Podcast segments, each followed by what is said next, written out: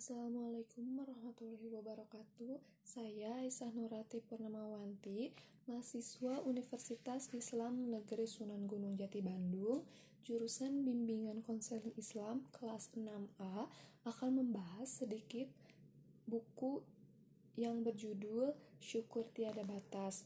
Buku ini ditulis oleh Surasa Gunawijaja. Beliau adalah sosok pria yang dilahirkan di keluarga yang sederhana, jauh dari kata mewah. Ia terbiasa untuk mengerjakan pekerjaan rumah tangga hingga tidur di atas lantai karena keadaan yang begitu sangat sederhananya bahkan dikatakan tidak mampu.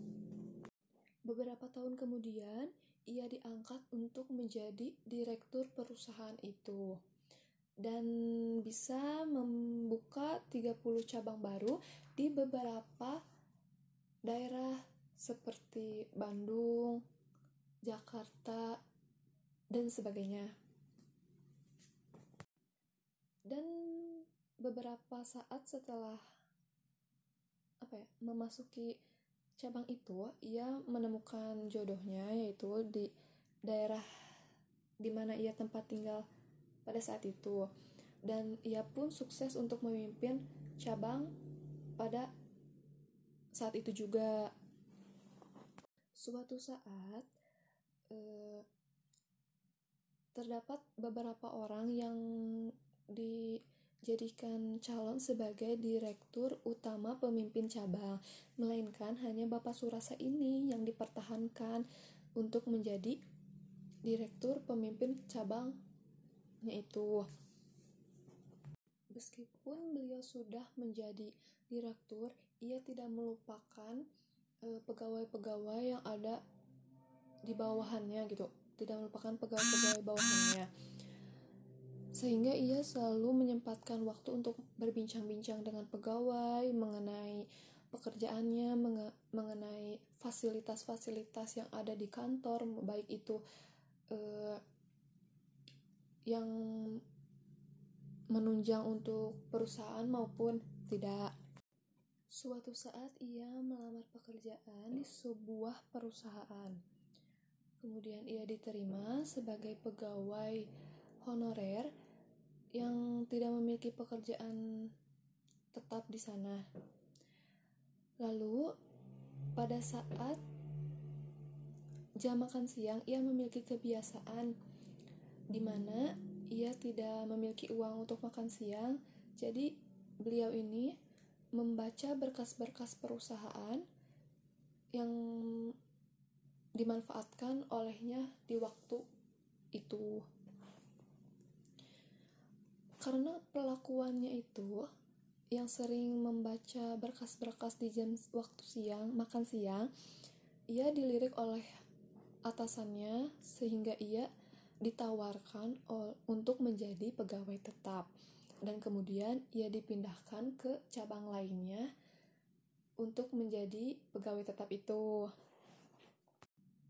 Di sana ia berfokus untuk terus meningkatkan kualitas kualitas-kualitas perusahaannya agar tetap bertahan dan semakin berkembang dalam perusahaannya itu seperti meningkatkan kualitas sumber daya manusianya dan sebagainya. Di samping itu pula, ia menyadari ia seperti ini karena e, dukungan dari keluarga, istri, anak, dan yang lainnya.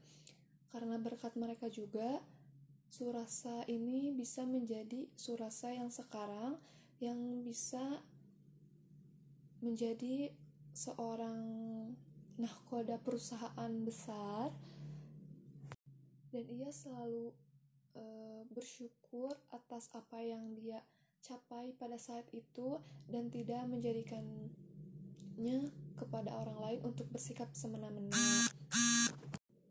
Ia sangat mengakui bahwa di balik kesuksesannya itu terdapat jasa-jasa dari ayahnya, di mana didikan ayahnya itu sangat berguna di pada saat ia memiliki posisi yang berada di apa ya atas karirnya itu. Mengapa? Karena didikan-didikan ayahnya pada saat dahulu sejak ia kecil ia dididik untuk disiplin seperti taat beribadah terus selalu bertoleransi kepada yang lain sehingga tidak tidak menjadi sombong dan sebagainya dan ia merasa sedih pada saat ia memiliki kesuksesan itu ayahnya sudah tidak lagi bersamanya karena ayahnya sudah meninggal dunia. Kemudian pada tanggal 30 Juli, Surasa mengakhiri karirnya di dalam dunia bisnisnya itu pada usia 59 tahun dan jabatan yang diduduki oleh ia berpindah pada penggantinya yang lain. Di sela-sela kesibukannya setiap hari itu, beliau masih menyempatkan untuk treadmill di rumahnya agar menjaga kesehatan dan kebugarannya itu sehingga otaknya tetap terjaga e, beliau juga membaca buku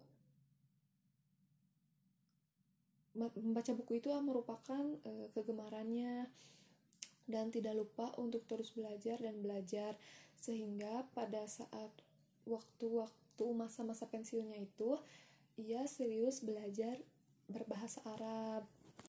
Salah satu sisi kehidupan beliau yang tidak pernah berhenti belajar ini, uh, ia pensiun bukan berarti berdiam diri saja, melainkan aktif mengisi kesibukannya di hampir usianya itu yang 80 tahun.